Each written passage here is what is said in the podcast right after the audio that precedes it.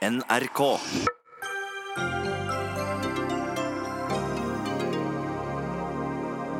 Regjeringen gjør det vanskeligere å få dagpenger, fordi det er i tråd med arbeidslinja.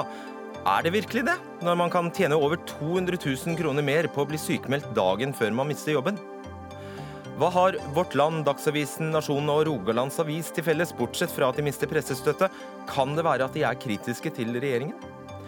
FrPs høye oppslutning forebygger ekstrem vold i Norge, hevder forsker. Land med åpen debatt om innvandring har færre voldsepisoder, viser doktorgradsavhandling. Og nå skal skituristene fraktes med jetfly til Selen og Trysil. Men om flytrafikken bidrar til at det ikke kommer snø, er det vel som å tenne på huset for å holde seg varm?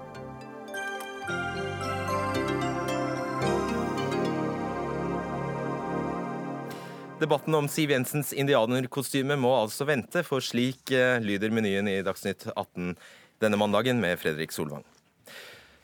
Mange arbeidsløse vil få mindre dagpenger. Regjeringen vil i forslaget til statsbudsjett endre grunnlaget for beregning av dagpenger. Nå er det bare inntekten det siste året som skal gjelde, ikke de tre siste. Og Vi starter med deg, Simen Markussen, du er seniorforsker ved Frisch-senteret. I dag er det altså slik at en arbeidstaker kan bli sykemeldt dagen før bedriften uh, sier ham opp. Uh, og så motta langt mer penger uh, hele det kommende året enn kollegaen, som altså blir nedbemannet samme dag, men ikke er sykemeldt. Hvorfor er det sånn? Nei, Generelt kan man kanskje si at vi har et velferdssystem som gir noe mer sjenerøse utbetalinger for plager som skyldes helse, da, enn plager som skyldes ledighet eller andre, andre forhold. Så selv om akkurat dette eksempelet er kanskje litt på siden av denne innstrammingen som regjeringen eh, gjør her, men det er klart den viser et generelt, eh, et generelt trekk da, å gjøre det. Og det vi snakker om nå, er at dagpengene utgjør sånn ca. 62-63% Ja, 62,4% 62,4% for å være nøyaktig.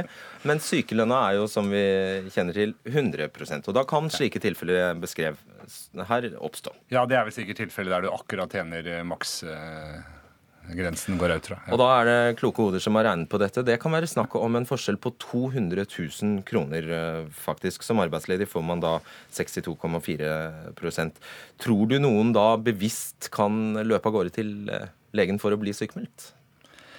Ja, det tror jeg nok. Altså, vi, det er veldig mange studier eh, av den type økonomiske insentiver som viser at dette har en del å si for atferd. Altså at f.eks. hvor mye man får i sykelønn, har noe å si for hvor mye man er syk, f.eks., eller hvor mye man får i dagpenger, har noe å si for hvor lenge man er arbeidsledig. Så det er godt dokumentert fra mange land at den type økonomiske insentiver spiller en rolle. Mm.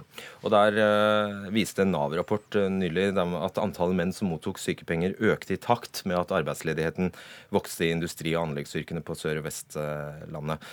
Ja. Er det et slags bevis? Ja, kanskje. Vi ser i hvert fall at, at uh, andelen som går ut sykepengeperioden sin, det er vel det Nav i den rapporten viste, så jeg husker, økte ganske kraftig på, i de, de, fylkene som ble ramma av oljekrisa. Da, kan vi si. Ja. Og så kan man altså gå på sykepenger i ett år med 100 lønn. Og da er man gjerne over på det som kalles arbeidsavklaringspenger. Og hva er satsen der? Ja, Da er satsen to tredjedeler av inntektsgrunnlaget. Eh, men med et gulv på 2G. Så du får en Hvis du har tjent eh, veldig lite, da, så får du du får uansett 2G, og 2G er sånn ca. Ja, 180 000. 180 000 kroner. 000 er det vel nå. Og Hva slags grunnlag er det AAP beregnes på? Ja, Det beregnes etter inntekten sist år eller snittet av siste tre. Ja. ja. Så den beste av de to, da. Den beste av de to, nettopp. Så, etter at, og det, AAP, kan man, arbeidsavklaringspenger, kan man gå på i tre år? Ja, Det har jo vært fire år, men nå er det redusert til tre år. da. Mm. Etter at eh, den perioden er ute, så er det arbeidsledighetstrygd Nei, så er det uføretrygd som gjelder for veldig mange. Hvor ja. mange da? Ja, jeg er litt usikker på tallene. Sånn, jeg tror at omtrent halvparten av de som begynner på arbeidsavklaringspenger, ender med uføretrygd. Halvparten, altså? Ja, kanskje noe sånt. Hva skjer med den andre halvparten? Ja, mange kommer jo tilbake i jobb også. Mm. Tre av fire som fikk innvilget uføretrygd det første halvåret i 2016, kom fra en periode med arbeidsavklaringspenger. Ja. Eh, hvor, hvor, mange kommer seg da eh, og, og av de som altså, blir sykemeldte mer enn åtte uker eller, altså, åtte uker eller mer, eh, hvor mange av dem går over i varig uførhet? Ja, Det er jeg ikke sikker på. Som blir sykemeldt enn åtte uker. Men blant de som er sykemeldt for å ta et tall av de som, som jeg husker, altså blant de som er sykemeldt ni måneder, så vil omtrent 50% av dem være mot arbeidsavklaringspenger eller, eller uføretrygd to år seinere. Mm. Uh, ja. Hvis vi går tilbake til utgangspunktet her, at regjeringen nå altså ønsker endrer grunnlaget for utregningen av uh, dagpengene. Hvilken relevans har det til det vi har snakket om nå? Ja, det har den eh, La meg bruke et bilde, da. Du kan tenke på liksom disse velferdsordningene som en sånn tube med majones eller tannkrem eller et eller annet. Så er det sånn at Innerst i den tuben, lengst unna inngangen, der har vi de som er på uføretrygd. Og så På midten har vi de som er på arbeidsavklaringspenger, og nærmest utgangen har vi de som er på dagpenger eller sykepenger. For eksempel. det er nærmest arbeidsmarkedet. Og da vet alle det som har prøvd å tømme en sånn halvfull tube majones, at det raskeste måten å få det ut på, det er å klemme ganske nær utgangen. Det er det regjeringa gjør her. ikke sant? De klemmer på de som mottar arbeidsavklaringspenger.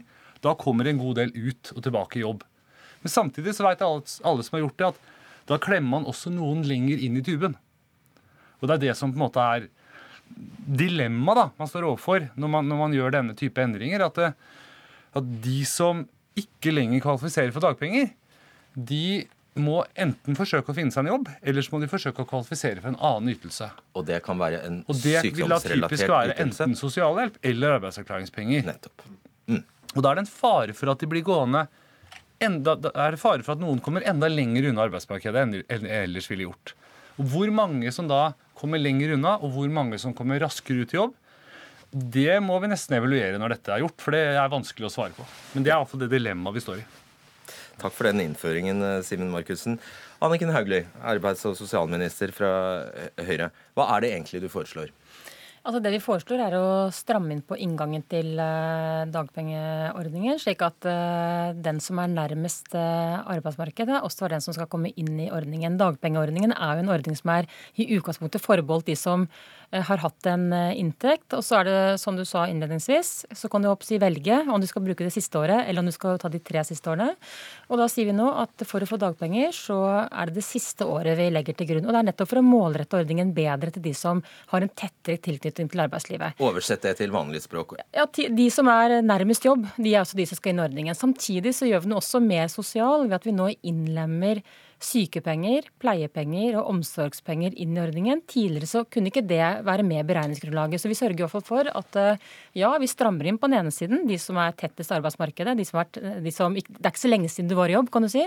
De skal kunne få dagpenger. Men så sier vi også at men dersom du har vært sykmeldt eller vært hjemme pga. egen sykdom eller, eller barns sykdom, ja, så skal de inntektene nå regnes med, i motsetning til eh, tidligere. Så, noen, eh, så, så det er noen færre inn i ordningen pga. innstrammingen, men så ut utvider også ordningen for en, for en annen gruppe. Men det er jo en, en, en besparelse på det, og vi mener at det er viktig nå eh, at alle de som kan jobbe, ja, de må nå også begynne å jobbe. Det er altfor mange som står utenfor arbeidslivet, og vi trenger eh, alle hender i jobb. Og Det vi skal diskutere her, er jo nettopp om eh, du kan risikere å dytte dem lenger inn i tuben, som Markussen sier, om, eller om oppskriften din er idiotsikker, at du får dem ut i jobb, som er det du ønsker. Hans Christian Gabrielsen, leder i LO. Dette er en del av arbeidslinja, sier regjeringen. Og er det noen som forsvarer den, så er det LO. Så dette er vel uh, hipp hurra. Nei. Eh, for det første så er dette en helt eh, feil tolkning av hva arbeidslinja faktisk består i. Arbeidslinja handler om at du gjennom å være i arbeid kvalifiserer deg til ytelser og trygder. Det regjeringa gjør nå, det er å kutte i ytelsene for å presse folk tilbake, nærmest under en sånn tanke om at hvis du plager folk nok, så kommer de tilbake i arbeid. Altså, Les underforstått. Det å bli ledig er noe du gjør frivillig. Eh, og alle vet at sånn fungerer ikke arbeidsmarkedet. Mange har nå mista jobben. Mange har vært i en usikker situasjon. Og det å gjøre døra inn til ytelsen mindre, eh, og det å gjøre eh, hva skal jeg si for noe, eh, det vanskeligere å kvalifisere til nettopp tiltak som kan bidra til å få deg inn i ny jobb, er jo akkurat det motsatte av det vi trenger. Og Hauglie sa det jo eh, egentlig eh, presist her nå. De strammer inn. Eh, og igjen så er det altså det jeg karakteriserer som smålige kutt overfor de svakeste gruppene. Eh, forrige gang så var det feriepengene de tok fra de da ledige. Så skattela de sluttvederlagsordningen for de eh, eldste arbeidstakerne. Og nå gjør de det altså vanskeligere å få dagpenger, og det syns jeg er for å se det rett ut, smålig. Bare svar superkort på det. Du kan ikke vite at dette ikke fungerer? Jo, altså Det vi vet, det er at regjeringen sparer over en treårsperiode 700 millioner kroner på det. Og da kan du ikke framstille som at nå får flere dagpenger. Altså Dette er en netto Nei, du kan framstille det som at mange får et økonomisk eller et insentiv til å komme seg ut i jobb fort. Jo, men det er under en, da, en sånn tenkning om at hvis du bare plager folk nok Les at du er eh, ledig. Det er noe du gjør frivillig. Sånn er det ikke. Hovedproblemet i dag er jo at det ikke skapes nok jobber. At det er nok jobber. Og dette er en slags eh, illustrasjon på at man mener at en del mangler eh, arbeidsmoral. Og da er jo spørsmålet til statsråden, Hva tror du er hovedproblemet i norsk arbeidsliv i dag? Er det mangel på arbeidsplasser, eller er det mangel på arbeidsmoral? Altså, grunnen til at vi eh, også gjør det nå, er jo fordi vi ser at det er betydelig lysere tider i arbeidsmarkedet. Der arbeidsledigheten har gått ned i nær sagt alle bransjer over hele landet. Det er stor etterspørsel etter arbeidskraft eh, stort sett eh, overalt. Bedrifter melder om eh, økt etterspørsel etter folk. Så nå er det også tiden inne. Skal man gjøre innstramminger i denne type ordninger, så er det jo nettopp når tidene eh, går bedre. Og så er det alltid sånn at når man skal eh, endre på ytelser, så kommer den samme leksa om at dette er å, å slå de som ligger eh, nede. Samme kritikken fikk vi høre da vi skulle innføre aktivitetsplikt for unge sosialhjelpsmottakere. Noen omtalte det som straffarbeid. Og vi ser jo at det hjelper de som står utenfor, når de får tettere oppfølging og hjelp til å komme på eh, innsiden. Og når vi gjør denne innstrammingen nå, så er det nettopp fordi vi sier at for å få tilgang på ytelsen, ja, så må du jobbe mer enn du har gjort før. Og da vil jeg spørre deg, hva, hva tror du er alternativet for de som da ikke kommer til å kvalifisere til eh, dagpenger? Hva tror du alternativet for dem er, hvis de ikke får seg en jobb, da? Altså de som eh, står utenfor, altså de, Denne gruppa, disse vi snakker om her, det er jo personer som per definisjon er friske, arbeidsføre mennesker. Hvis ikke så hadde de ikke vært kvalifisert for uh, denne ordningen. Det er grunn til å tro at uh, de aller fleste av disse vil komme seg raskere i jobb og, og, jobbe mer. Og hvis det ikke Nei, skjer? altså det kan jo, så- man kan ikke utelukke at man kan komme på andre ytelser, men jeg føler meg ganske trygg på at denne gruppa kommer til å komme seg i jobb. Og hvis det skjer, da har du skutt deg selv i foten. Altså Vi snakker nå om de som, eh, de som eh, Altså antallet som vi regner med ikke altså Når vi hever terskelen inn nå, så, så sier vi at det vil eh, gjelde anslagsvis 1300 dagpengeårsverk, som du sier. Så det er jo ikke et veldig høyt antall som ikke kommer inn i ordningen. Og det er grunn til å tro Så det er ikke at, så farlig å plage 1300. Nei, når er så vi, få. nei, vi plager ikke 1300, men når vi ser på hvem det er, så er det relativt unge mennesker. Det kan være studenter og andre. Arbeidsføre, ressurssterke mennesker. Og det er grunn til å tro at det, en svært hvor andre av de, de ja, det kommer seg også inn i jobb, og det er det som er målet Gabriel, med Et typisk eksempel her er jo en som har vært på loffen i Asia i de to siste årene og røyka hasj i Goa, liksom, og så kommer hjem, og eh, så får ikke vedkommende nå uttelling for disse to åra uten eh, inntekt. Så det er vel fair? Ja, men Fredrik, La meg bare gi et eksempel. fordi at det, det, det, det litt sånn fortegna bildet du gir nå som, med et smil om munnen, det, det, det er jo, sånn er jo ikke norsk arbeidsliv. Ja, la meg gi et eksempel fra Sør-Vestlandet nå, eh, som jo har vært gjennom en massiv eh, ledighetskrise, og hvor det er riktig som statsråden sier at det er noen forsiktige tegn til lysning. Men la oss ta en, en gjennomsnittlig industriarbeider som tjener la oss si 500 000, og har gjort det gjennom en årrekke, og så har vedkommende mista jobben. Vært ledig i eh, åtte måneder i eh, 2017. Og så har man kommet inn igjen fordi det har begynt å gå litt bedre. Vært i jobb i fire måneder. Med det regelverket som, eh, som regjeringen nå foreslår, så betyr det at dagpengegrunnlaget til vedkommende gjør at du får 52 000 kroner mindre i utbetalte dagpenger enn du ville gjøre med det gamle regelverket. Godt insentiv til å løpe ut og få seg en jobb. Løpe ut og få deg en jobb. Altså, det er jo det som er hovedproblemet. Nettopp at det ikke skapes nok arbeidsplasser. Så det regjeringen foreslår nå, det for det første så straffer det de som har små stillingsbrøker. Men i paradokset i dette er jo også det at hvis du nå blir ledig fra en fulltidsstilling og kommer over på dagpenger, kvalifiserer for dagpenger, så må du for guds skyld ikke oppsøke arbeidsmarkedet arbeidsmarkedet for, så- å få deg, for å så få deg forutsatt at deltidsjobb. Hadde det vært nok arbeidsplasser, så hadde dette vært helt greit for deg. Nei, selvfølgelig. Altså, vi mener at det opptjeningsregelverket som ligger der i dag, det tar hensyn til at det er varierende inntekter for enkelte som jobber skift, som jobber vakter, som har ekstravakter. Og da er det sånn at beste regelen, er, om det er i løpet av tre år eller det ene året, det er det som skal legges til grunn. Og det mener vi det er eh, grunn til å fortsette med. Dette som eh, man nå eh, foreslår, er et rent innsparingstiltak. Man tar 700 millioner kroner fra de arbeidsledige. Men det er, Man får inntrykk av at vi nå skal ta 700 millioner fra de som er arbeidsledige i dag. Det gjør vi ikke. Det er jo ingen som i dag har dagpenger som kommer til å miste en krone. Nei, du gjør det Dette vil- vanskeligere for de som det- kommer. Dette vil gjelde de som kommer Ja. inn i ordningen i fremtiden. Og så gjenstår det å se om fremtidens arbeidsledige om, om, det er, om de har samme atferden som fortidens. Men, men altså, alle endringer man gjør i velferdsordninger, har jo til hensikt å styrke arbeidslinja og bidra til atferdsendring. At det er flere som jobber mer. Alle reformer Da vil jeg utfordre deg på en ting, for det var jo nettopp der, derfor jeg startet på den måten jeg gjorde. Du har altså, du gjør, du gjør gjør noe som koster 700 millioner med dagpenge, dagpengeordningen. Men rett bak den ligger altså, eller egentlig rett ved siden av, ligger altså en ordning som heter sykelønnsordningen, som da er 100% lønn. Det er jo høyst sannsynlig, og det viser også forskning. Eh, professor Anstein Mykletun har jo eh, vist at sykelønnsordningen skaper en urimelig forskjellsbehandling mellom personer som blir syke like før eller like etter oppsigelse, permittering, har han skrevet i en offentlig eh, rapport. Du gjør ikke noe med dette store, store sprik mellom ordningene. Det gjør du ingenting med. Nei, og denne spriket mellom ordningene det har vært en uh, velkjent diskusjonstema over flere tiår. Og vi foreslo ingen endringer i sykepengeordningen. Vi foreslo flere endringer i arbeidsavklaringspengeordningen i våre, så der har vi gjort flere endringer. Gjort noen innstramminger i sosialtjenesteordningen, men det ligger ingen innsparinger i sykelønnsordningen her. Og det har vi også sagt at det kommer vi heller ikke til å gjøre. Nei, og Det betyr at insentivene til å komme seg over på sykelønnsordningen bare blir øker? Gabrielsen? Nei, men altså, Dette fremstilles jo nærmest som om det er en, en frivillig sak. At du kan bare rusle ned til fastlegen din eller bare velge om du skal bli ledig eller Nei, gå på sykehus. Så enkelt så, så enkelt det ikke er. Det var ingen som påsto det. Nei, Men det vi vet, eh, og gjennom f.eks. den krisen vi har vært, eh, hatt nå de siste årene, så er det klart at hvis du er ansatt, og som jeg har møtt eh, mange av uh, ute på arbeidsplassen, som jobber sammen med kollegaer som blir permitterte, hvor det er nedbemanninger over tid og over år, så er det klart at i noen tilfeller så utløser det også sykdom. Fordi at det er et så stort press, det er en så stor belastning over så lang tid. Så det er jo ikke rart at du får en sammenheng mellom altså stor nedgang, stor krise, og at også syke, antallet sykefraværsdager går opp.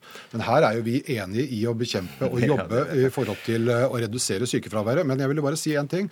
fordi at disse 700 millionene over tre år som man nå sparer på statsbudsjettet, de kostnadene blir jo ikke borte.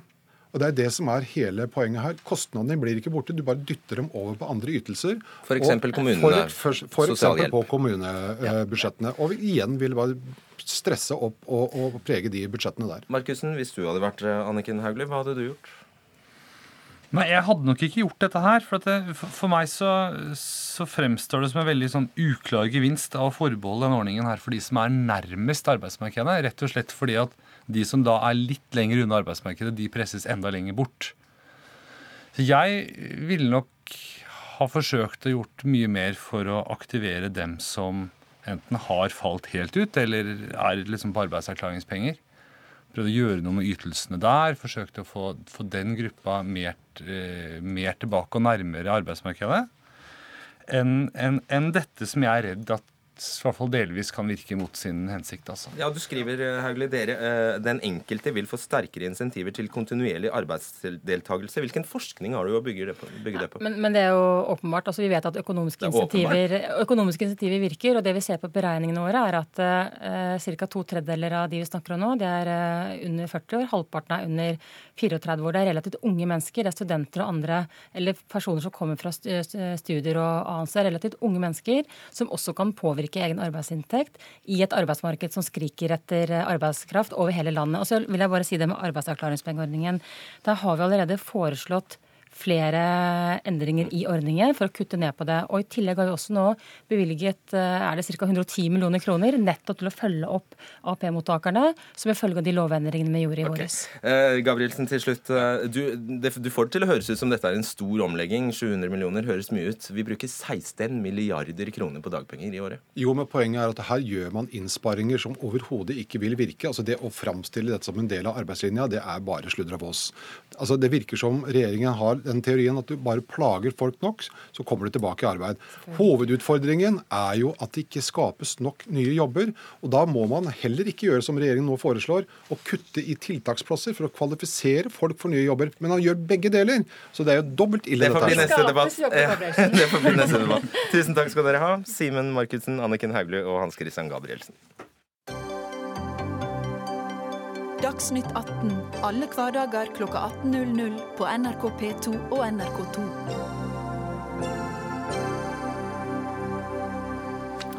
får vel si nok en gang, foreslår regjeringen kutt i den såkalte pressestøtten, og det skaper, ikke uventet, sterke reaksjoner hos noen avisredaktører. I årets forslag til statsbudsjett foreslår regjeringen et kutt i produksjonstilskuddet, som det formelt heter, på 19 millioner kroner. Hvert år fordeles rundt 300 millioner statlige kroner i produksjonstilskudd til nyhetsmedier. Og pengene skal hjelpe aviser som ikke har en bærekraftig økonomi. Irene Halvorsen, du er sjefredaktør i Nasjonen, og en av avisene som mottar relativt høy eh, pressestøtte. 22 eh, millioner til dere, faktisk. Mm. Um, likevel eh, er du misfornøyd. Hvordan kan det ha seg? Det er masse ja, penger, da. Ja, men vi får veldig mye ut av de pengene. Vi er glad for hver eneste krone vi får, både fra staten, annonsørene og leserne. Eh, og de omsetter vi i god journalistikk eh, hver eneste dag. Men pressestøtten har jo en begrunnelse, en historisk begrunnelse som jeg tenker er viktig å få med. da. Og den eh, oppsto i 1969 som svar på omfattende avisdød i Norden. Og begrunnelsen er veldig god og veldig dekkende også i dag. Fordi det Stortinget da sa, var at markedet alene skal skal ikke bestemme hva slags pressestruktur vi skal ha i Norge. Og Det er fordi at eh, en del aviser får eh, beviselig ikke sin i gåsetegn andel av eh, annonsemarkedet. Det er veldig sånn eh, the winner takes it all. Og den strukturen blir enda sterkere i en digital hverdag. Og i tillegg så har vi jo fått store internasjonale aktører, nullskattytere, som jo eh, gnafser godt og friskt eh, av eh, det norske annonsemarkedet. Sånn at begrunnelsen for pressestøtten står seg jo sånn sett egentlig enda bedre i dag enn i 69. Mm. Da er vi alle nysgjerrige på hvorfor du gjør dette, Linda Hofstad Helleland, kulturminister fra Høyre. Hvorfor kutter du? Ja, altså, uh, det, det produksjonstilskuddet som kom i 1969, det var en eh, offentlig støtte, som Irene sier, eh, fordi man ønska et mediemangfold. Men det, da var det også en helt annen tid. Og Mediemangfoldsutvalgets utgangspunkt er at mediene bør være selvfinansiert. Eh, og Det er et godt utgangspunkt, men jeg tror likevel vi er nødt til å også bidra fra statens side. Og vi har aldri hatt et større mediemangfold enn vi har nå. Det tror jeg vi skal eh, huske. Folk er ikke mindre opptatt av å lese eh, nyheter. Men det vi ser, er jo at selv et eh, ikke et statsbudsjett i verden ville hindra nedgang i oppslagstall. Det ser vi jo, det er jo en eh, global trend. Ja, Det er greit, men det er jo et sånn- stykke derfra til å faktisk kutte, da. Ja, men det kan ikke komme som en overraskelse på noen. Eh, det er veldig tydelig i vår regjeringsplattform, som vi eh, danner vår politikk ut ifra. Vi har disse, disse debattene hvert år, vi. Ja, vi, vi mener at ikke det her er en ordning som vil bidra i sterkt nok grad til et godt nok uh, mediemangfold. og Derfor har vi sagt at vi skal redusere. den. Det har vi ment i fire år. Det gikk vi til valg på, men, og ble faktisk gjenvalgt. Ja, og Derfor så ja, kommer vi til å fortsette å mene det. Og så, nei, og det er det som er litt synd. For det, det som er litt synd, for det er ikke en moderne pressestøtte. Når vi ser, Det er over 300 millioner vi bruker i direkte eh, produksjonstilskudd. Av de 300 millionene så er det fem aviser som får over halvparten av disse midlene, bl.a. Eh, Nasjonen. Og høy pressestøtte til de fem avisene, bl.a. Nasjonen, det bidrar jo ikke til nedgangstall.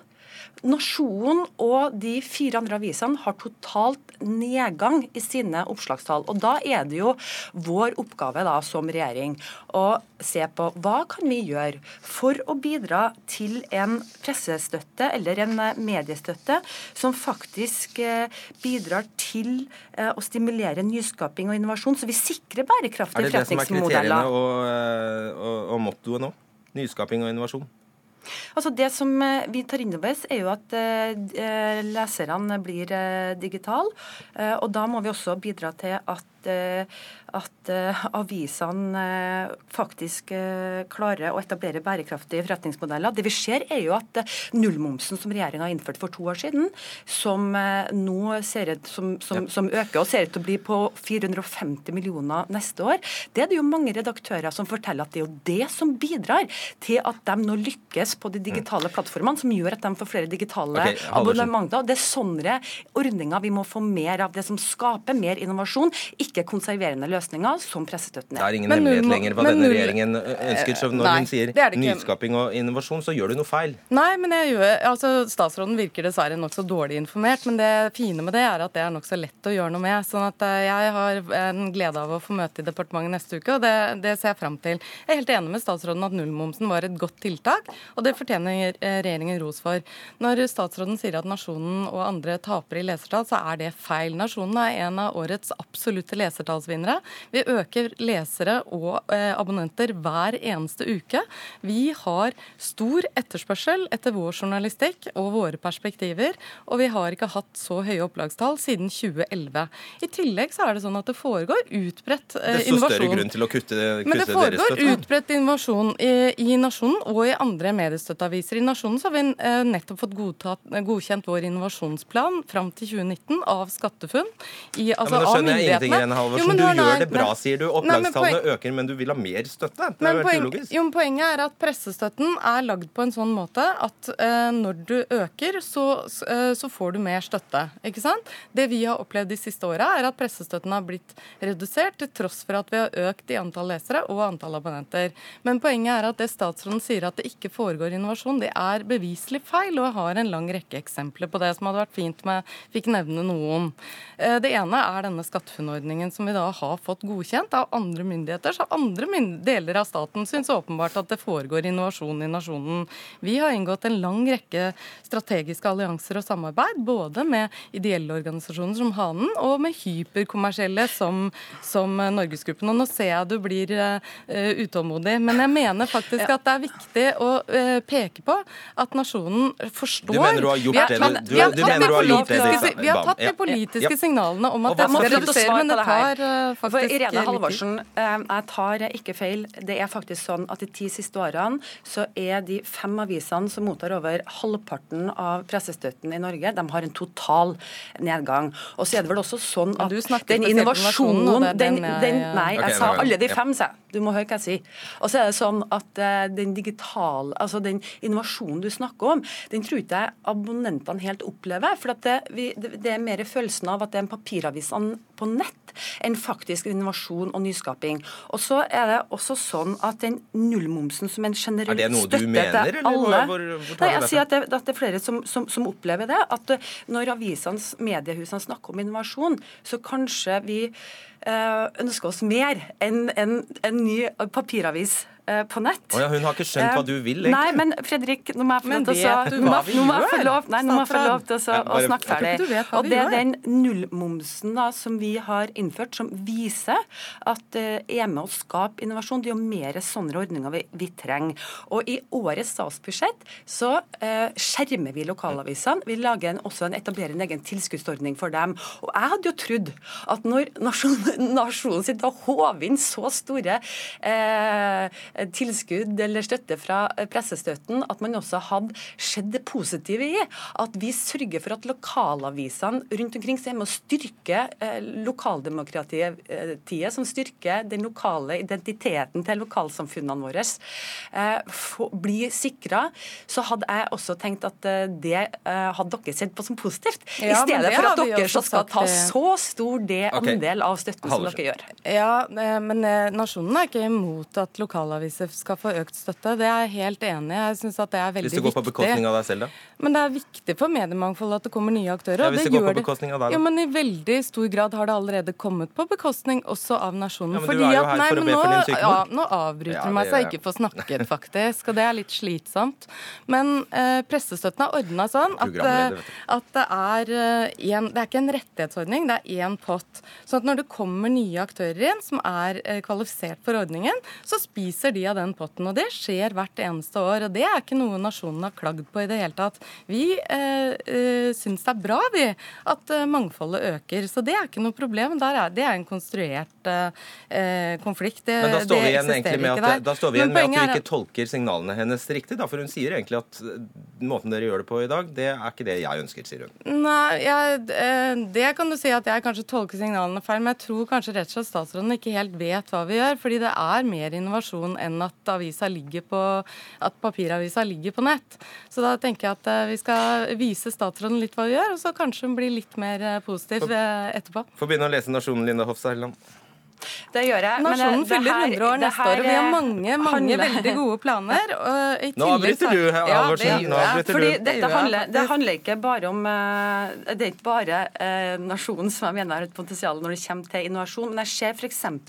Eh, sånn som eh, Finnmark, eh, Finnmarks Dagblad nå, da, som har sørga for at, å ha fått flere digitale abonnenter enn eh, papirabonnenter, og som har vært tidlig ut, og så satser for fullt på nye innovative løsninger. Okay. Det er en rekke aviser som nå virkelig virkelig går foran. Men det er så det er mange som har Nasjon og men, mange andre. Men, men jeg gleder meg til vi skal snakke mer og mer her. Om vi har altså økt våre digitale brukere fra 59 til 79% Men våre lesere er i en del av landet der det ikke er bredbånd.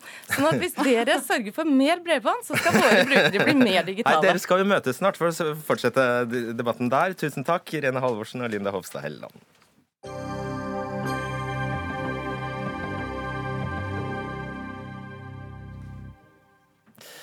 Regjeringen har et uttalt mål om å få minst ett fullskalaanlegg som kan håndtere fangst, transport og lagring av CO2 på bena innen 2022. Men da statsbudsjettet kom forrige torsdag, ble posten som skulle sikre de nødvendige rapportene og kostnadsanslagene, kuttet fra 360 millioner til 20 millioner kroner. Olav Øie, du er seniorrådgiver for CO2 og fangst og lagring i Bellona. Dere reagerer veldig sterkt på dette. Hvorfor det? Det er først og fremst fordi det får store konsekvenser for de aktørene som eh, i flere år har jobba med, CO2-fangst og -lagring i Norge, og som trenger forutsigbarhet. Både økonomisk forutsigbarhet i form av statlig støtte bl.a., men også politiske signaler om at Norge faktisk vil satse på, på CO2-fangst. Og Det er tre eh, anlegg vi da snakker om. Du, hvem er det? Det er sementfabrikken til Norcem i Brevik i Telemark, og det er ammoniakkfabrikken til Yara i Porsgrunn. Eh, og det er avfallsforbrenningsanlegget til Klemetsrud eh, her i Oslo. Og da er greia at disse tre skal på en måte konkurrere om å finne den beste teknologien. Det skal stå igjen én vinner her, sant? Eh, jeg vet at regjeringa har sagt at de skal ha minst et sånt anlegg. Men Bellona og de fleste andre som jobber med, med CO2-fangst og -lagring i Norge, mener at det bør, bør, være tre. fordi det her ikke er snakk om bare om klimakutt i Norge. Det er snakk om å opparbeide erfaring med teknologien som vi da kan spre til resten av verden. Mm. Terje Søviknes, olje- og energiminister fra Fremskrittspartiet. Dette er jo et elendig signal? Nei, man må lese det som faktisk står i statsbudsjettet. Det er fortsatt en tung satsing eh, på CO2-håndtering som vi har drevet med gjennom hele den forrige stortingsperioden òg. Eh, gjennom hele verdikjeden fra forskning via Climate-programmet, pilotering, demonstrasjon, teknologisenteret på Mongstad og fullskala. Og så sier vi nå da at eh, når det gjelder fullskalaanlegget, så ønsker vi å ta en ny milepæl og legge ei helhetlig sak fram for Stortinget i løpet av vinteren. Det betyr at vi nå skal få avslutta konseptstudiene eh, på Ja, det er litt sånn teknisk, men det, det er der vi er nå. Eh, på fangst og transport. Og så skal vi legge fram en helhetlig sak som viser hva er status nå. Hvordan ser dette ut i forhold til kostnadsbildet? Hva risikoer ligger her? Hva gjør at du frimodig kan bar barbere dette budsjettet akkurat nå? Hva Nei, gjør at du de midlene som du refererer til da, som er kutta i forhold til 2017, eh, det er da midler som skulle gått eventuelt til å gå rett videre på et forprosjekt. Altså forprosjektering før en mulig investeringsbeslutning i 2019. Nå tar vi en milepæl og går til Stortinget. og dette er et stort og viktig Jeg skjønner ikke hva du mener med ta en milepæl? Ja, nei, altså rett og slett ta en uh, avsjekk med Stortinget, en forankring på dette prosjektet. Det er et svært prosjekt. Milliardinvesteringer når det skal realiseres, pluss store driftskostnader. Og uh, vi er nødt nå til å følge et industrielt løp her som gjør at vi utvikler dette gradvis, får fram et best mulig beslutningsgrunnlag, og vi er avhengige av at vi har brei politisk tilslutning til dette det prosjektet, fordi det er så stort og kostnadskrevende. Ja, Hva er det vi ikke får til, eller hva er det vi ikke oppnår når han kutter? Eh, det vil si at de som eh, jobber og som har planlagt, som har ansatt folk og inngått eh, kontrakter og planlagt løp framover, når usikkerhet hvorvidt de kan fortsette med det her. Det vil si at de ikke kanskje vet om de har, har mulighet til å, til å, hyre inn folk fortsatt fra, fra januar. Det er jo januar. kjipt med usikkerhet, men bortsett fra det, hva er konsekvensen? Ja, Spesielt i og med at statsråden her snakker om, om, om industrielle løp, så burde han av, av alle vite at da er vi nødt til å, industrien er nødt til å ha forutsigbarhet for at de skal kunne fortsette. Eh, for at de skal skjønne at dette er noe de skal satse på. Hvis de da må kutte, så vet ikke de om de skal fortsette å bruke midler og investere på det her. For det er jo ikke bare statlig støtte snakk om. Det er også snakk om industri og næringsbedrifter som bruker av sine egne midler til å utvikle CO2-teknologi. Kan de bli så usikre at de til slutt sier at nei, vi vil ikke være med å redde jorda? Ja, det kan de. Eh, hvis de, hvis de ikke, som ikke får klare nok signaler, og ikke minst ikke får midler, så er det mulig, er det mulig at, de, de, da vil slutte. Men, det er litt av et ansvar. Dette, dette er viktig, fordi vi har hatt et veldig godt samarbeid med industriaktørene i dette prosjektet. Det er det som gjør at vi har mye mer tro på at dette kan lykkes, kontra, kontra f.eks. månelandingsprosjektet på Mongstad i sin tid, som var mer politisk initiert. Nå er det på industrien sine premisser, både på fangstdelen, som du redegjorde for, transportdelen, der vi har hatt en utredning eh, gjennom Gassco. For her skal man altså transportere fanga CO2 fra disse industrianleggene med skip til Vestlandet, for deretter å pumpe det ut og ned i, på sokkelen vår i Nordsjøen. Der Statoil er tildelt en kontrakt for å se på lagringsdelen. Men det er ingenting de ja, men De har nettopp ja, inngått et samarbeid med Statoil og Total. Det er viktig for å synliggjøre størrelsen og bredden i dette prosjektet. Og så er det sånn at vi i budsjettet da for 2018 har foreslått 20 millioner kroner, sånn at prosjektorganisasjonene hos disse industriaktørene kan videreføres. Er det nok penger til at de i det hele tatt får puste? At, fram til at vi får en, en eh, diskusjon, en, et godt beslutningsgrunnlag lagt fram for Stortinget, som de kan diskutere til våren. Du vet at Gassnova, som er din egen under, ditt eget underbruk, sier eh, til oss at de frykter at hele prosjektet nå vil eh, stoppe opp. Og, at, og da vil jo det bety at alle pengene staten har brukt på fangst og lagring til nå, er helt bortkasta?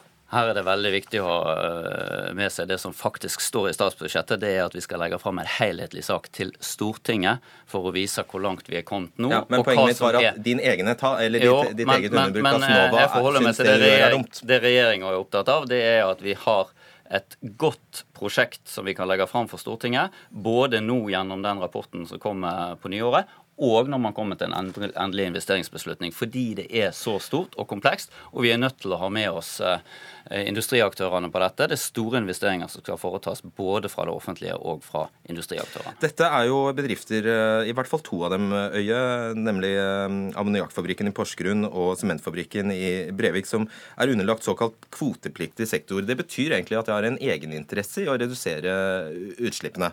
Hvorfor kan ikke de bare fortsette? Og så sier jo, sier jo Søviknes at det kan godt hende det kommer, eh, kommer penger i revidert f.eks. Kan ikke de bare fortsette?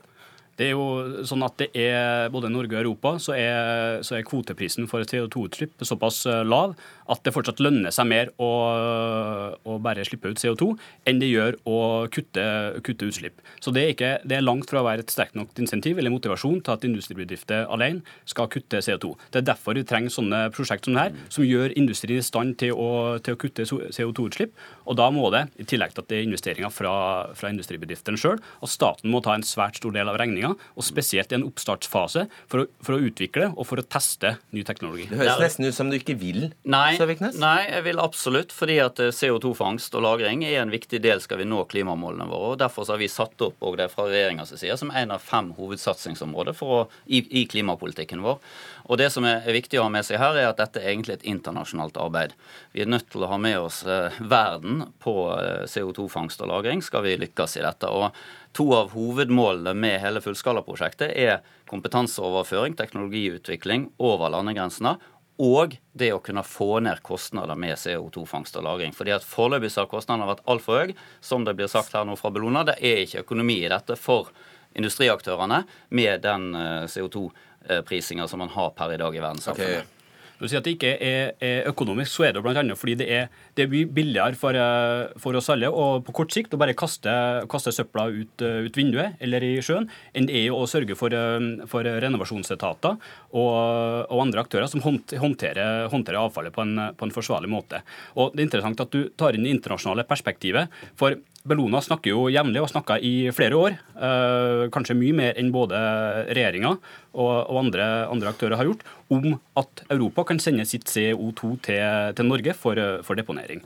Eh, så når du da kutter i eh, budsjettet, så sender det et svært negativt signal til industriaktører i Europa. Om at Norge er ikke interessert i dette her. Jo, men, men, det er ikke det signalet som, som, går ut her. Det er et signal om at nå sånn skal vi ta en runde i Stortinget fordi dette er et stort Tror du det hjelper Terje Søviknes at du roper ut i Europa at det var ikke det jeg mente? når du ja, er sånn altså det vi har god kontakt med de øvrige nasjonene som jobber aktivt med, med, CCS. Det har dessverre lagt litt nede i en rekke land i det siste, men så kommer det gode nye signal senest nå i forrige uke fra Storbritannia, som løfter opp igjen CO2 som en av sine, altså fangst og lagring som en av sine 50 tiltak for å nå lavutslippssamfunnet. Okay. Eh, Nederland har kommet med gode signal. Vi har god kontakt mot USA, Canada, okay. Australia. De må ha et sted å lagre. Da må de få vite at de kan lagre CO2 i, i, Norge. Og de har vite at Norge fortsatt vil være et foregangsland bl.a. på CO2-håndtering fra avfallsforbrenning. Nederland for ei uke siden så at de skal, de skal ta en tredel av sine CO2-kutt uh, ved, hjelp av, uh, ved hjelp av CCS.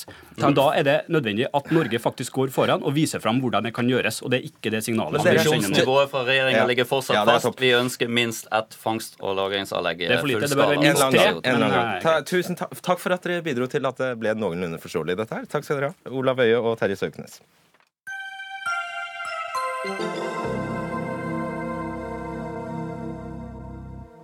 Land der høyrepopulistiske eller høyreradikale partier over lengre tid har hatt en høy oppslutning på over 10% har som regel ikke opplevd en høy grad av høyreekstrem vold.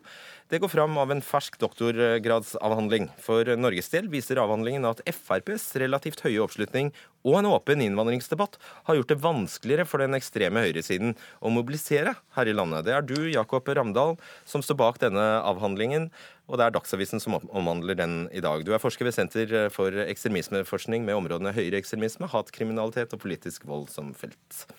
Ja, hvor sikker kan du være på at dette stemmer? Uh, dette er jo først og fremst en eh, empirisk basert undersøkelse hvor vi har hentet inn for første gang sammenlignbare data på høyreekstrem vold i Vest-Europa uh, for perioden 1990 til 2015. Hvilke land da? Uh, det vil si alle europeiske land som ikke var en del av østblokken under den kalde krigen. Så Vest-Europa, kort fortalt. Ok, 18, 18 land. 18 land, mm. ja. Um, det at vi for første gang har eh, sammenlignbare data, gjør at vi endelig kan begynne å teste noen teorier. For det er et felt preget av veldig mange teorier. Eh, så en av de tingene jeg har gjort i denne avhandlingen, at jeg har tatt ja, noen av de mest dominerende teoriene, eh, matet inn i et analyseprogram sammen med alle dataene, og så kommer det Nevn en sånn teori. Ja, du har jo blant annet f.eks. dette med partier. da. Der har du jo to konkurrerende teorier. Den ene er jo at de gjennom sin eh, ytterliggående retorikk legitimerer og sånn sett eh, bereder for vold. Og at man kan forvente mer vold i land hvor det er store høyreradikale partier. Og, og det stemmer ikke? De funnene jeg har, så stemmer det stort sett ikke. Det har litt å si hva slags type parti vi snakker om. Det viktigste unntaket er Hellas og Golden Dawn, hvor det helt åpenbart kom en bølge av rasistisk vold i forbindelse med deres framvekst. Men så kan du si at Golden Dawn de ligner nok mer på en paramilitær organisasjon enn et tradisjonelt politisk parti. Og en annen typisk teori? Nei, Den konkurrerende teorien er jo da at eh, ved at eh, innvandringskritikk får eh, demokratiske og legitime kanaler for å uttrykke seg, slik som gjennom partier eller en offentlig debatt, så gjør det vanskeligere for høyre, ytre, ekstreme høyre å mobilisere og fortelle sin historie om at de er undertrykt i samfunnet, at de ikke kommer til orde, osv. Slik at eh, det kan være vanskeligere å rekruttere. Eh, og en del av skepsisen blir kanalisert ut i, ut i disse mer demokratisk orienterte kanalene. Så hvis trollene får slippe fri, og vi kan kalle hverandre stygge ting i offentligheten, så motvirker det ekstremisme? Ekstremistisk vold? Eh, Teorien går ikke så veldig mye ut på troll nødvendigvis. Det er såpass eh, nytt fenomen at det er veldig vanskelig å si noe om internetts effekt på dette her. Men det, det handler først og fremst om politisk representasjon og det med å ha en politisk eh, offentlig debatt hvor innvandringskritikk ikke på en måte eh, sensureres bort. Så Altså Et grunnfunn da, som er interessant, det er jo at det, i forbindelse med at disse høyreradikale partiene har vokst i Vest-Europa nå over en lengre periode, så har voldsnivået dalt. Er dette, ja, sorry at jeg avbryter deg, men er dette overførbart, direkte overførbart til Norge? Du har sett på Norge òg? Eh, jeg har ikke gjort noen case-studie av Norge, men jeg har gjort en sammenlignende studie av de nordiske landene, hvor, eh, hvor en del av de samme faktorene eh, har blitt tatt inn i analysen. og hvis du sammenligner de nordiske landene som er like på veldig mange punkter, så er det jo slående hvor veldig mye mer vold og militant aktivisme generelt som det har vært i Sverige. da. Eh, og da er det jo mange selvfølgelig eh, delmomenter i forklaringen på hvorfor det er slik. og må spores helt tilbake til andre verdenskrig og mangelen på et landssvikeroppgjør osv. Eh, samtidig som Sverige, fordi de uavbrutt har kunnet fortsette med den nasjonalsosialistiske bevegelsen, har kommet over en kritisk masse som gjør at de kan tåle å miste noen grupper, miste noen ledere, mens f.eks. i Norge har vi alltid vært kritisk avhengig av noen få grupper. Mange større, mye, mye, større nynazistgrupper i, mye i Sverige. Det, eh, jeg vegrer meg for å blande inn eh, Frp i den sammenhengen, men det du Altså, jeg begynte altså I starten av sendingen her så uh, sa jeg at FrPs høye oppslutning forebygger høyreekstrem vold i Norge, hevder forsker. Jeg håper jeg har grunnlag for det. Den overskriften står ikke jeg bak, for å si det sånn. Du gjør ikke det, nei. nei det, da beklager jeg at jeg sa det i det hele tatt. Men har du, uh, har du kommet til noen funn når det gjelder Norge? Ja, altså det vi ser er at Når du mater alle disse variablene inn i analysen, så er det egentlig eh, to kombinasjoner av forhold som karakteriserer de landene med mest vold. Så det, jeg, det, mine analyser først og fremst forklarer, er høy forekomst av vold, og ikke fravær av vold. Eh, og det er altså slik at Fraværet av et fenomen må ofte forklares med andre ting enn forekomsten av det. Men eh, hvis vi skal fokusere på Nord-Europa, som akkurat eh, denne, denne, delen av analysen handler om, så er det en særlig kombinasjon av det å ha en høy innvandring, men fravær av innvandringskritiske partier og en eh, smal innvandringsdebatt. Det ser vi i land som Sverige, Tyskland og Storbritannia. Vi ser det ikke i land som Norge, Danmark, Østerrike, Sveits osv., hvor disse partiene har vært store, og hvor debatten har vært relativt åpen sammenlignet med disse tre landene hvor det har vært klart mest vold. Der nevnte du Østerrike. Velkommen til deg, Elin Nesje Vestli. Du er professor i tysk ved Høgskolen i Østfold og Østerrike-kjenner nå. Er du, du kommer rett fra Wien i ettermiddag og hit til Dagsnytt 18 har fulgt med på eh, valget. Stemmer Ramdals konklusjon når det gjelder Østerrike, vil du si? Altså, det har nok vært relativt lite høyreekstrem vold i Østerrike sammenligna med f.eks. Tyskland. Og den eh, scenen som utfører den type ugjerninger, er nok også langt mer definert i Tyskland enn det har vært i, i Østerrike. Eh, men det vi ser i Østerrike, det er jo at det er faktisk økende. Problemet er økende, men det har ikke vært noen av de store sammenstøtene, sånn som vi har sett i, i Tyskland, og særlig i det tidligere DDR. Mm.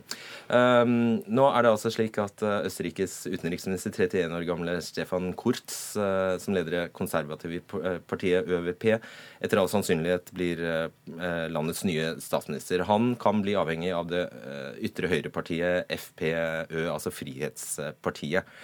Hvor ekstreme er de?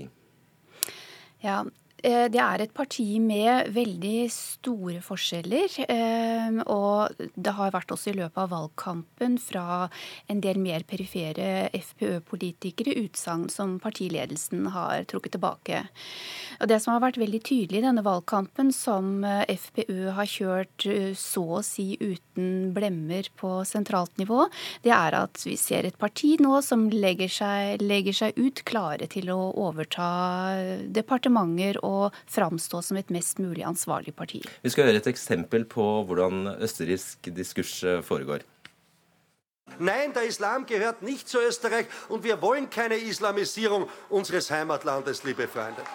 Nei, islam hører ikke hjemme i Østerrike, og vi vil ikke ha noe av en islamisering av fedrelandet, sier herr leder for Frihetspartiet Heinz Christian Strache.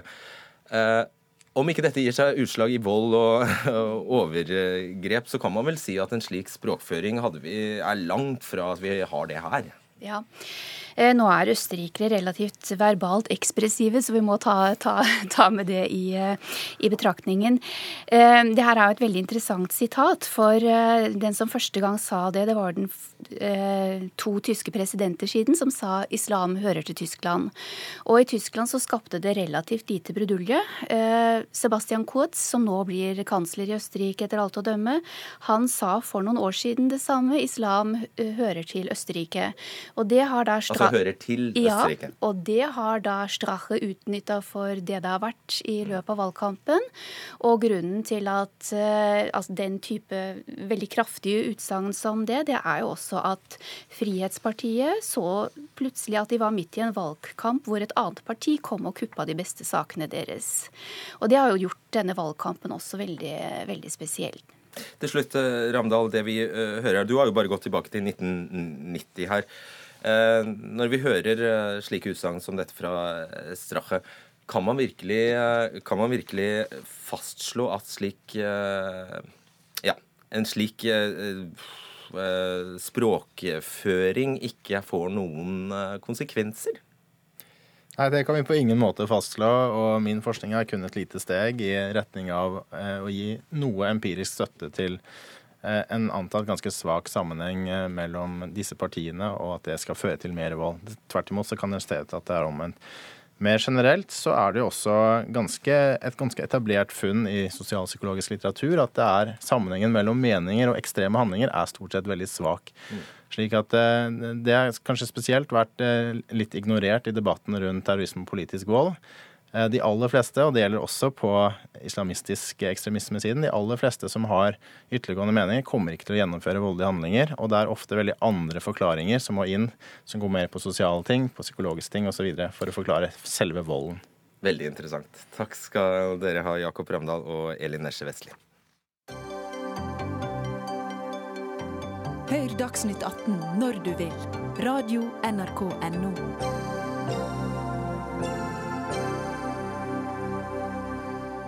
Både i Trysil og på svensk side av grensen i Selen råder det optimisme, og framtidsvyene er store. For den nye flyplassen som nå tar form, Scandinavian Mountains Airport, skal nemlig få, en, eh, få horder av skiturister til det som på nettsiden omtales som en verdensdestinasjon. Men i helgen kunne vi lese på nrk.no at Naturvernforbundet i Hedmark ødelegger den gode stemningen og sammenligner flyplassprosjektet med å tenne på huset for å holde varmen. Det er dine ord, dette her, Thomas Kotti, leder i Naturvernforbundet i Hedmark. Hvorfor det?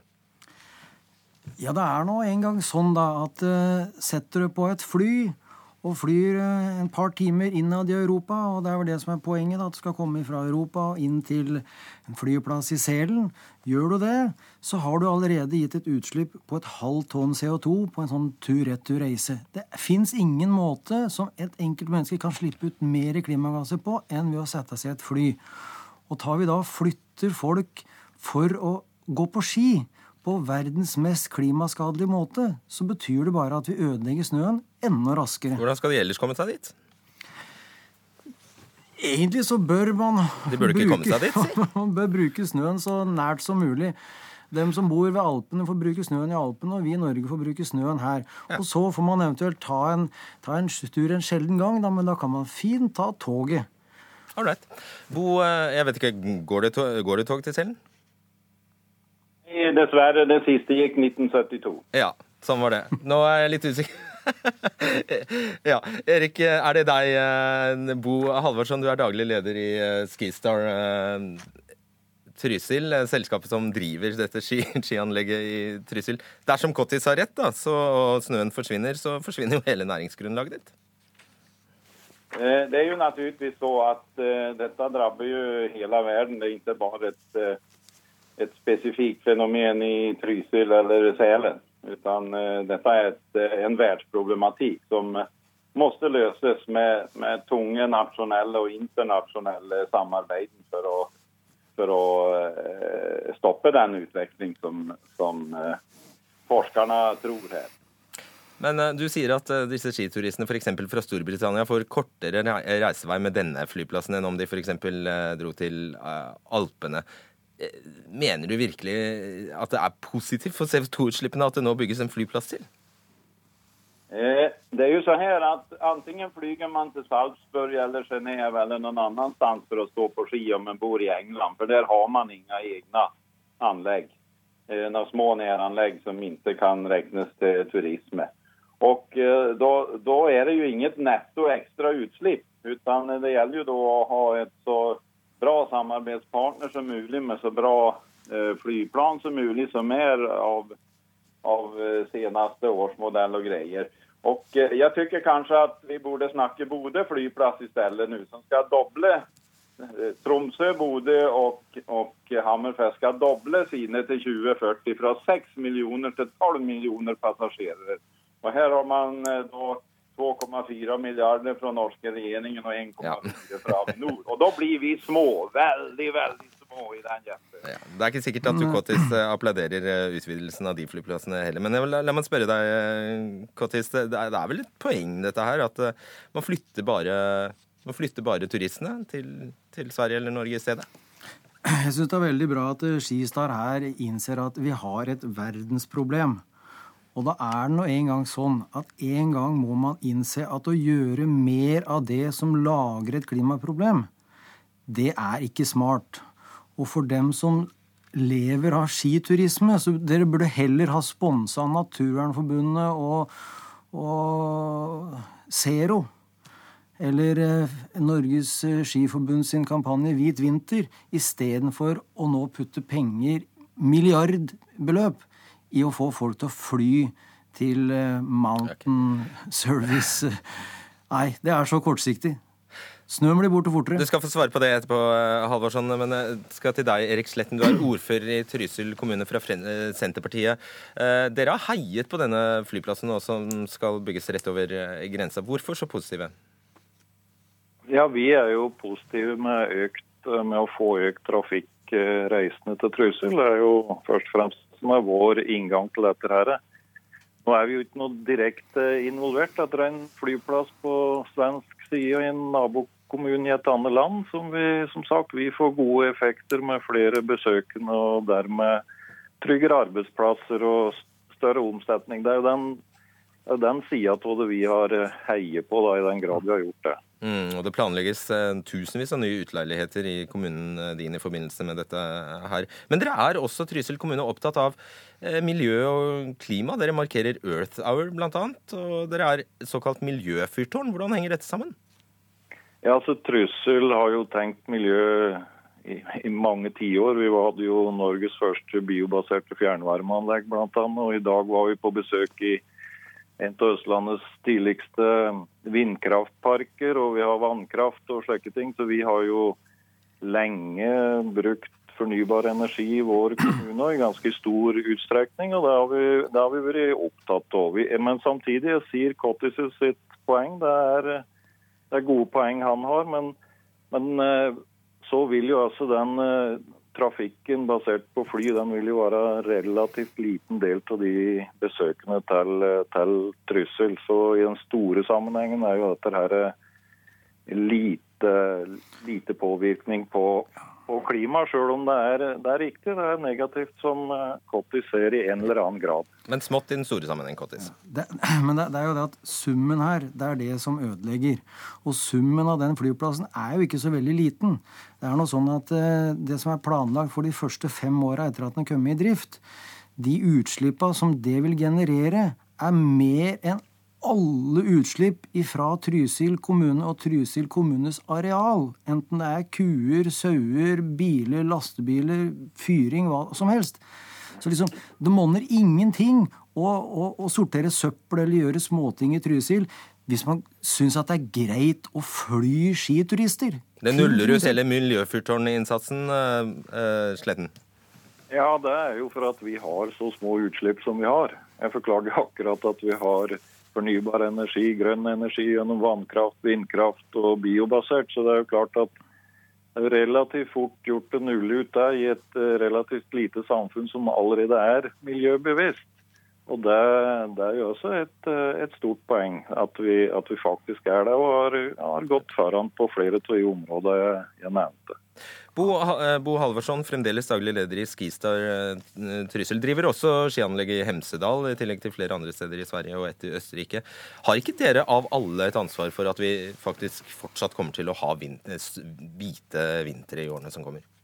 Ja, For å klare det her så må vi løse det her sammen, alle Det, det rekker ikke om, om, bare vi jobber, utan det her er en, en sak for hele Europa, for hele verden vi, vi, ibland kan man tycka att vi, vi, vi tycker till och, och sova. I, I Indien finns det 304 miljoner människor som saknar ström. Och, och eh, hur skapar de ström? Jo, genom kull, ja. kullkraftverk. Va? Så vi kanskje skulle satse de store pengene där det virkelig monner ordentlig for verdensutslippene. Vi må, vi, En ja. På Ja. den flyplassen. da. Tusen takk skal dere ha, Thomas eh, Kotti, Erik Sletten og Bo eh, Halvorsson. Og så eh, nevner vi at eh, det første flyet med flyturister skal etter planen lande på den nye flyplassen om, om lag eh, to år. Her i NRK P2 blir det nå mer debatt. Æresvold og æresdrap er tema i eh, P2 den neste halvtimen. Dagsnytt 18 er over. Arnhild Myklebust, Erik Sandbråten og Fredrik Solvang takker for følget.